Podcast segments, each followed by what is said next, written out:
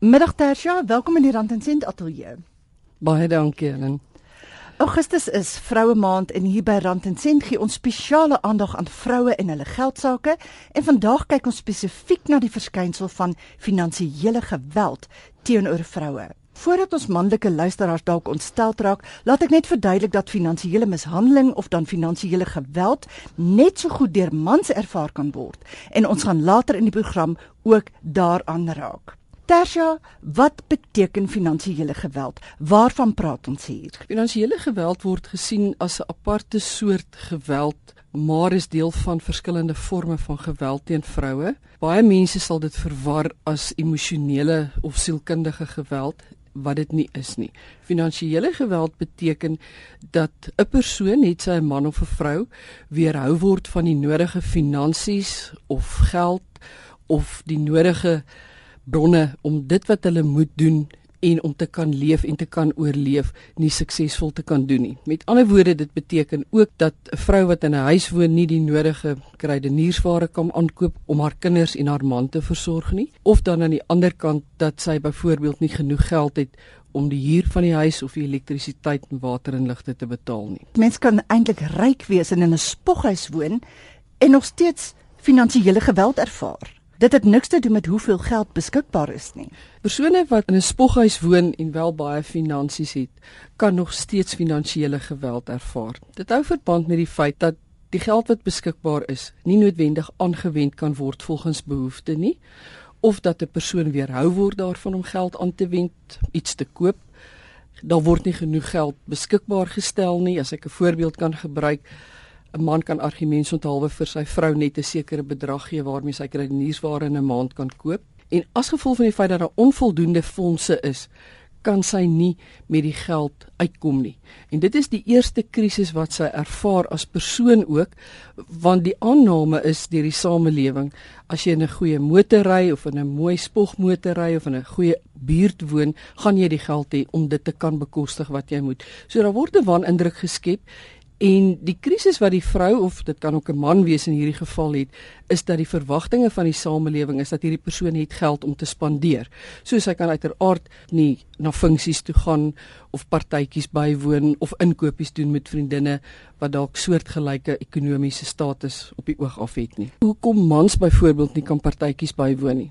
Of geleenthede of gesellighede of dit bring en braai na rugbywedstryd. Dit is as gevolg van die feit dat meer vrouens hulle in hoër poste bevind met groter salarisse.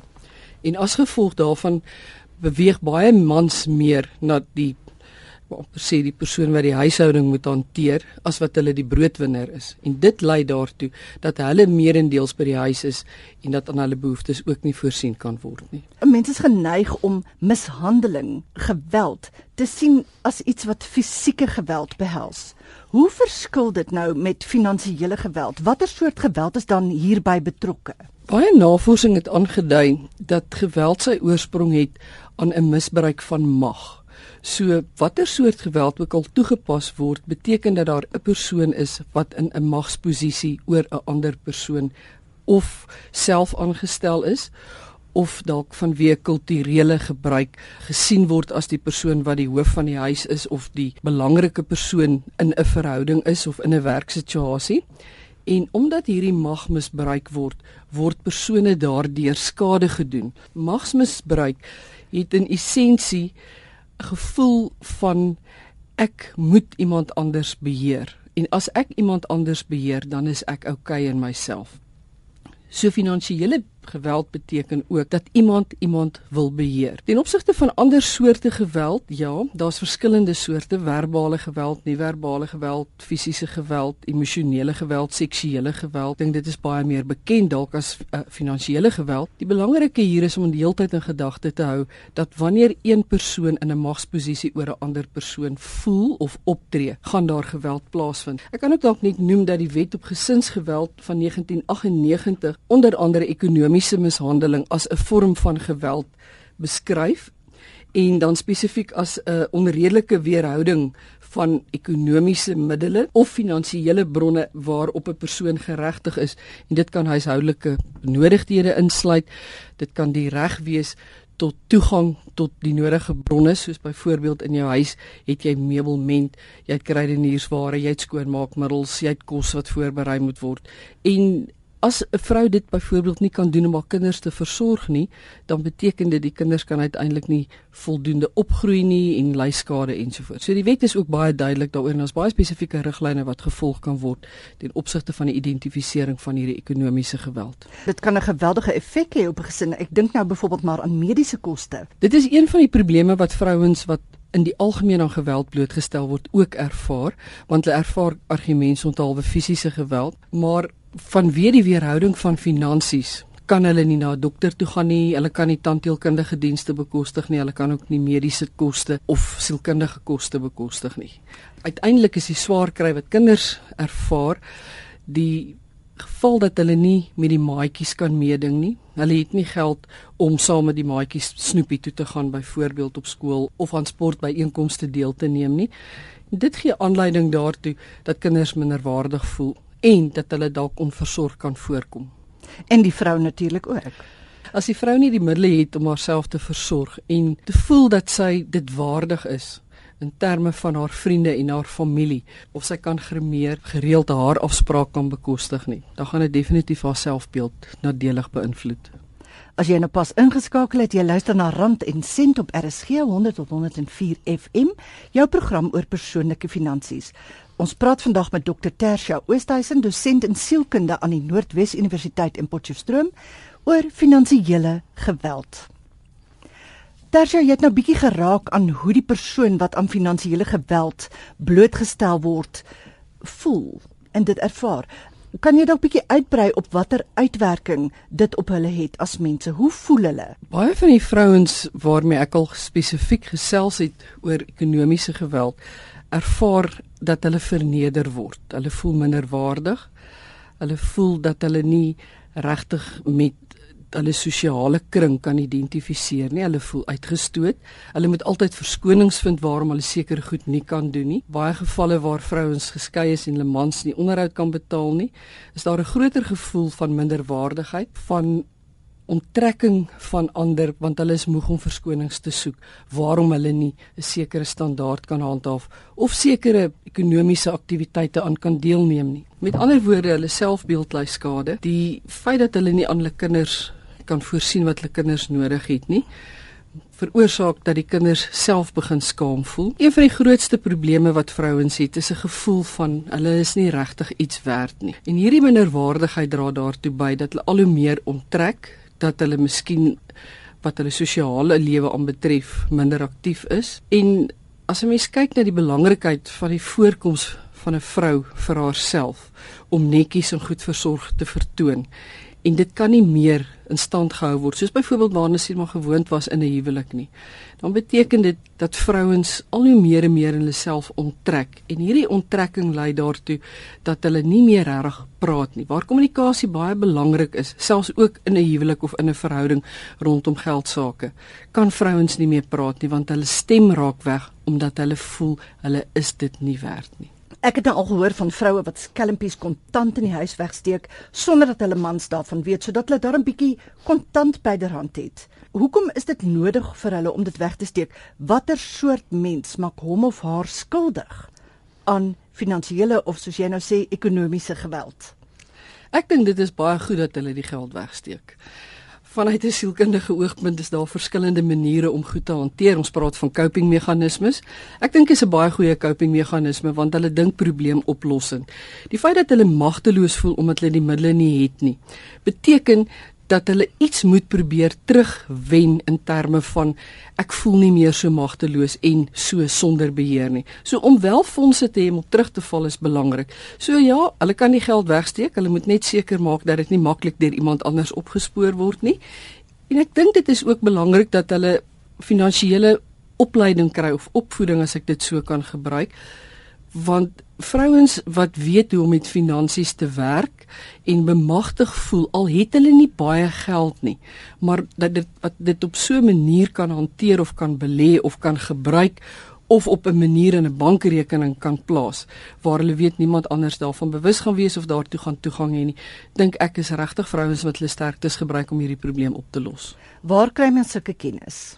Daar is verskillende sogenaamde nie-regeringsorganisasies wat programme aanbied wat hulle bietjie met vrouens werk rondom hulle finansies en bestuur van finansies. Ek weet dat banke ook van tyd tot tyd veldtogte hou waar hulle vroue of dan persone in die algemeen jong mense ook bemagtig om in terme van hoe met hulle geld te werk. Daar is verskillende organisasies wat regtig belangstel om persone te bemagtig ten opsigte van finansiële bestuur.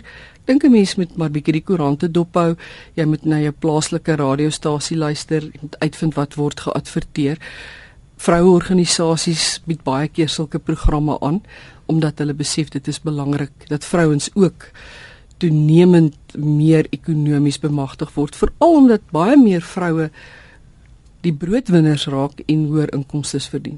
Jy luister na Rand en Sent op RSG. Ek is Helen en ons het vandag vir Dr. Tersha Oosthuizen, dosent in sielkunde aan die Noordwes Universiteit in Potchefstroom in die ateljee.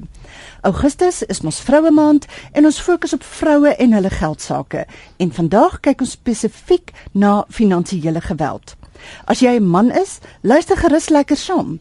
Ook mans word soms aan finansiële geweld onderwerp. Okay. Watter soort mens, man of vrou, maak hom of haar skuldig aan finansiële geweld teenoor iemand anders? Dit sal 'n persoon wees om terug te kom na wat ek van tevore gesê het, wat in 'n magsposisie wil wees. Ek dink die belangrike hier is mense sien baie keer geld as 'n manier om iemand anders by te kom. En as geld dan 'n middel tot 'n doel word en hulle kan of iets van iemand weerhou of guns daarmee koop, sal hulle dit juis gebruik. So ons kyk na iemand wat nie eg en natuurlik aan diself optree nie.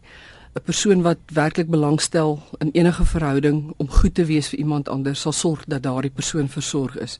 So ons sien dadelik dat hier 'n magspel ter sprake is. En ten tweede is daar dalk 'n vraag oor die goedgesindheid van so 'n persoon ten opsigte van 'n ander persoon. Veral as daardie persoon as 'n mindere gesien word deur die persoon wat die geld beskikbaar het. Dit spruit voort uit 'n begeerte van 'n finansiëel sterker maat in 'n verhouding om die ander een op sy plek te hou. Definitief. Die rol wat geld speel as 'n middel tot 'n doel en spesifiek om mag te misbruik kom deur die jare voor. Iets wat baie keer gebeur en ek dink dat kulture dit ook in stand hou, die sogenaamde patriargale stelsel wat ek weet baie kontroversieel is van 'n persoon is die hoof van die huis, die man dalk en daardie persoon sal besluit veroorsaak dat 'n persoon dink geld is 'n middel wat gebruik kan word om iemand anders af te pers, iemand anders te kry om te doen wat hy of sy wil hê gedoen moet word en dan gewoon dikwels geval van die persoon of die ander persoon net sy die man of die vrou word gesien as nie die moeite werd om iets van geld sake te weet nie. Ek weet vir baie jare was die gewoonte of die kultuur die gebruik dat as vrouens en mans werk, die vrou se salaris in die man se bankrekening inbetaal word, die man besluit hoe word die geld aangewend en die geld waarvoor die vrou gewerk het word dan gebruik teen haar, sy moet hom letterlik vra, kan ek asseblief van daardie geld gebruik om iets mee te koop? Sy moet letterlik vir elke aankoop of vir elke sent wat sy wil hê, moet sy in sy oë kyk. Ek dink die prentjie is bietjie omgekeer ook deesdae met mans wat byvoorbeeld nie meer die broodwinner is nie wat moontlik in dieselfde situasie is.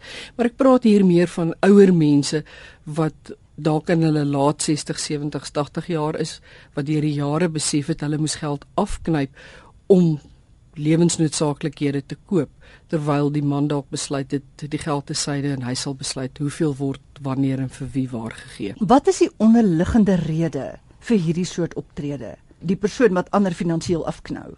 Hoekom doen hulle dit? Ek dink hierna kan op 'n manier ook verwys word na ekonomiese boelie gedrag. En iemand wat boelie is 'n persoon wat onseker in hom of haarself voel. Iemand wat graag iemand wil oorheers, iemand wat voel hulle weet die beste, hulle kan namens ander besluit. En daarom is die belangrikste eerste stap wat geneem moet word in die omgekeerde finansiële situasie waarin ons vandag is waar vrouens meer verdien as mans, kan vrouens uiteraard belangriker finansiële besluite neem. Dit beteken dat die vrou 'n besluit sal neem rondom die beleggings wat gedoen kan word, die tipe motor wat gekoop word, die huis, die betaling van die paemente van die huis ensovoorts en dit laat die man baie minder waardig voel want dit is ook nie net 'n tradisionele rol wat verander nie dis ook 'n kulturele gebruik wat verander. En binne die kultuur waar mans gewoonlik die broodwinners was en inkomste verdien het of dalk hy subsidie ontvang het waar vrouens dit van vore nie gedoen het nie is dit 'n geval van die man moet nou meeding en hy praat saam met sy kollegas op kantoor oor verhoogde pryse huispaaiemente wat moontlik styg of die aankoop van 'n huis en hy kan nie laat blyk dat hy nie regtig gesê daaroor het nie. En mans gaan dit optel. Hulle gaan agterkom, maar hier is 'n kollega wat nie regtig hieroor wil praat nie. So dit is weer 'n geval van die persoon onttrek uiteindelik dis eintlik presies dieselfde as met 'n vrou dan. Dit is identies ja. dieselfde as wat met 'n vrou gebeur. Jy's by Rand en Sent op RSG. Ek is Helen en ek praat vandag met Dr. Tersia Oosthuizen, dosent in sielkunde aan die Noordwes Universiteit in Potchefstroom oor finansiële geweld. As jou selfbeeld nou so geknou is en jy het boonop nie 'n sent op jou naam nie, hoe kom jy uit so 'n situasie of uit so 'n verhouding? Is daar stappe wat 'n mens kan doen? Iemand se selfbeeld wat afgebreek is, wat nie meer regtige selfidentiteit het nie. Ons praat ook van jou autonomie het skade gelei. Dit beteken ek het nie meer die reg om te sê wie en wat ek is nie. Ek kan nie meer eg wees aan myself nie. Ek moet voortdurend verskoning soek. Ek moet probeer verdoesel, toesmeer, kan nie eerlik wees met mense nie. Sulke persone raak op 'n manier oneerlik aan hulle self. Ons praat ook van dat hulle inkongruent raak. Met ander woorde, dit wat hulle self is, hoe hulle self sien en dit wat in realiteit daar is, is nie meer dieselfde nie. Dit gaan vir hulle baie moeilik wees om sommer uit so 'n verhouding te stap. Ek dink die feit om terug te kom na die geld wat weggesteek word of dalk in 'n aparte rekening belê word, is 'n kopingsmeganisme wat hulle 'n bietjie vertroue kan gee dat hulle 'n neseiertjie opbou, dat indien hulle so 'n verhouding wil verlaat, daar wel fondse is om op terug te val. Die ander saak wat belangrik is, is om vas te stel wat is die vrou se kwalifikasies? Werk sy of werk sy nie? 'n Persoon wat werk, 'n persoon wat wel een of ander vorm van werk het waarop hulle kan terugval, saam met hierdie geld wat hulle bietjie weggesit het, gaan in 'n beter posisie wees die vrou wat nie werk het nie want in baie gevalle verwag die man dat die vrou by die huis moet bly en die kinders moet grootmaak. In so 'n geval gaan daardie vrou moeiliker uit hierdie situasie uitkom. Ek sal sê daar's baie ondersteuningsbronne, sosiale ondersteuning. Praat met jou man in die eerste plek voordat jy regtig begin besluit jy moet uit hierdie verhouding uitkom. Praat met hom, praat oor die finansiële behoeftes, wees eerlik daaroor. Praat met jou naaste belangrike ander, soos byvoorbeeld ouers of susters, broers, familielede, 'n goeie vriendin. Jy kan organisasies toe gaan soos Lifeline of FAMSA, selfs kindersorg, kan jy jou leraar toe gaan van jou gemeente waar jy probeer om eers van eksterne bronne hulp te kry oor hoe om hierdie situasie te hanteer. Indien dit totaal onhanteerbaar word, is die beste om uit hierdie verhouding uit te stap. Maar dan is daar ander dinamiese aspekte van die verhouding wat in ag geneem moet word. Want nou gaan dit oor die werklike verhouding van die man en die vrou. Is dit 'n huwelik wat op die rotse is? Gaan jy egskeiding oorweeg? So die hele proses van kommunikasie, van berading, van kry inligting, is dit regtig die opsie om nou uit hierdie verhouding te stap? Moet baie deeglik oorweeg word. Iets wat mense ook in gedagte moet hou is dat elke persoon beskik oor wat ons noem psigologiese sterktes. In jouself is daar 'n vermoë om terug te wip na 'n beter plek in jouself. Almal van ons is op een of ander stadium in wat hulle noem 'n ekwilibrium. Dit is 'n basiese fase of 'n plek van ek voel goed, ek is oukei, okay, ek kan goed hanteer. In so 'n geval gaan hierdie vrou by 'n baie slegte plek wees. So sy gaan nie op 'n plek van ekwilibrium of standvastigheid wees nie. En dit is belangriker vir haar om terug te kom op 'n manier by daardie plek van ek is oukei okay, voordat sy uitstap. Want as sy as stikkende persoon in die wêreld gaan uitstap, wat baie vrouens ook dikwels doen, is dit moeiliker om aan te pas en die lewe daar buite te hanteer. In die geval van egskeiding sit ons met prosesse, regsprosesse wat moet verloop ons het te doen met onderhoud wat betaal moet word. Wat gebeur totdat daardie prosesse afgehandel is indien die vrou sou besluit om te skei? Sodra die egskeiding afgehandel is, is daar meer sekerheid ten opsigte van finansies. Dit is nog steeds nie die antwoord nie want wat baie keer gebeur is die man betaal nie die onderhoud nie. Die kinders het nie die nodige fondse om byvoorbeeld iets so skoolfonds te betaal nie. Die briefie van betaal nou die skoolfonds word vir die kind gegee. Dit word nie noodwendig vir die verantwoordelike ouer wat moet betaal gegee nie. En die ander probleem is die vrou moet tyd afneem van die werk om te gaan sit en te gaan wag sodat sy haar leer kan kry sodat sy kan vra asseblief die onderhoud moet betaal word dat die regsprosesse loop. So almal verloor finansiëel en weer die geval van dit is vernederend.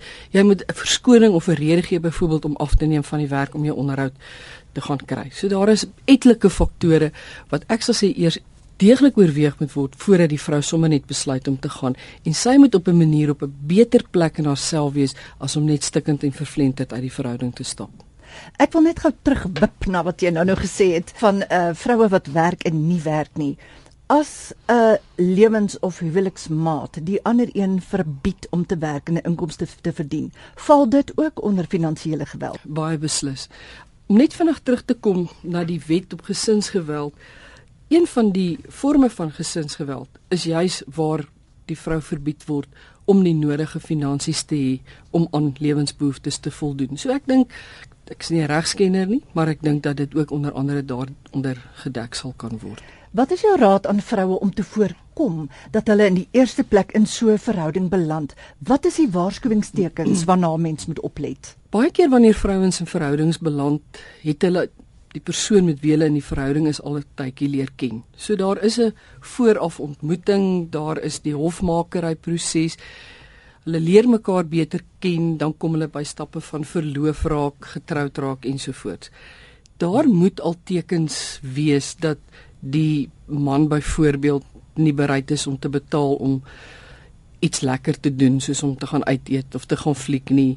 Met wie se motor word daar elke keer gery? Wie is verantwoordelik vir die versorging van waar hulle bly? Sien maar in die geval van saambly paartjies, wie neem op daardie stadium die verantwoordelikheid vir die betaling van die woonplek of vir onkoste rondom lewenskoste? Kommunikasie is baie belangrik. Mense is dikwels huiwerig om in 'n verhouding oor finansies te praat want dit kan 'n sensitiewe onderwerp wees. Maar dan moet oor gepraat word as persone sien daar is 'n tendens in die verhouding dat die finansiële verantwoordelikheid meer deur die een persoon gedra word as die ander, dan moet daar tot 'n vergelyk gekom word, selfs voor die huwelik. Ek dink ook dit is baie belangrik dat paartjies selfs voordat hulle tot trou kom, selfs voordat hulle dink aan om verloof te raak, as hulle besef dit is 'n ernstige verhouding wat in so 'n rigting gaan, dat hulle saamwerk aan begrotings, dat hulle eerlik is oor hulle inkomste, oor wat hulle verdien, oor beleggings en dat in hierdie eerlikheid daar ook besluit word hoe gaan dit vorentoe hanteer word. Tersia, waar kan mense wat meen hulle word aan finansiële geweld onderwerp om hulp gaan aanklop? Want die ding is jy het mos nou nie 'n letsel soos 'n blou oog om nou 'n bietjie grafies te raak wat jy nou vir mense kan sê kyk daar hoe word ek seer gemaak deur hierdie persoon. Hoe gaan jy te werk om hulp te kry? Enige vorm van geweld vind nie in isolasie plaas nie. 'n Persoon wat aan finansiële geweld onderwerp word, gaan nie noodwendig net finansiële geweld ervaar nie. Navorsing het gedui dat finansiële, emosionele en seksuele geweld baie keer hand aan hand loop. So dit is dalk nie so sigbaar vir ander persone nie, maar dit is nog steeds gekoppel aan ander soorte ge geweld ook. Want die geweldenaar of die persoon wat in die magsposisie is of die boelie gaan nie net stop by een soort geweld nie. So dit gaan deel wees van 'n patroon van geweld. Daar's verskillende nie-regeringsorganisasies. Uh, ek dink weer byvoorbeeld aan FAMSA of Lifeline of Childline wat baie goeie werk doen om vroue te help en hulle ook deur middel van wetgewing te bemagtig dat hulle weet wat is hulle regte. Indien dit aan ander soorte geweld gekoppel is waar fisiese geweld dan ook deel van kan wees, staan dit enige vrou vry om na die polisiekantoor toe te gaan en hulle afdeling wat spesifiek geweld teen vroue hanteer om met iemand daar te gaan gesels. Kyk of daar persone is wat dienste aanbied waar hulle vroue help wat aan geweld blootgestel is wat byvoorbeeld 'n telefoonnommer of 'n adres gee wat jy na toe kan gaan. Belangrik net, doen dit eerder vroeër as te laat. En as 'n persoon voel maar dit het al soveel jare 'n patroon gevorm dat ek aan hierdie geweld blootgestel word, is dit nog steeds nie te laat om te gaan vir hulp nie. Daar is hulp, kry die hulp en gebruik dit. Daar is 'n lewe daar buite. Lê klem op die sterktes binne in jouself. Wip terug. Kry dit reg om vir jouself te sê, ek kan hier deurkom, ek sal hier deurkom, ek sal dit hanteer en ek kan 'n sterker mens hier uitkom. Baie dankie Dr. Tersha Oosthuizen van die Noordwes Universiteit se Potchefstroom kampus. Baie dankie Helen, dit was goed om hier te wees. Vrouens is sterk, mans is sterk, mense is sterk. Gebruik dit. Onthou om my te volg by Twitter by @HelenUckerman of op Facebook by Rand en Sent Helen Uckerman. As jy weer wil luister of 'n deel van die program gemis het, kan jy dit aflaai in MP3 formaat van RSG se webwerf rsg.co.za. Dit is dan Helen Uckerman wat groet. Onthou om weer in te skakel om 04:30 volgende Sondagmiddag.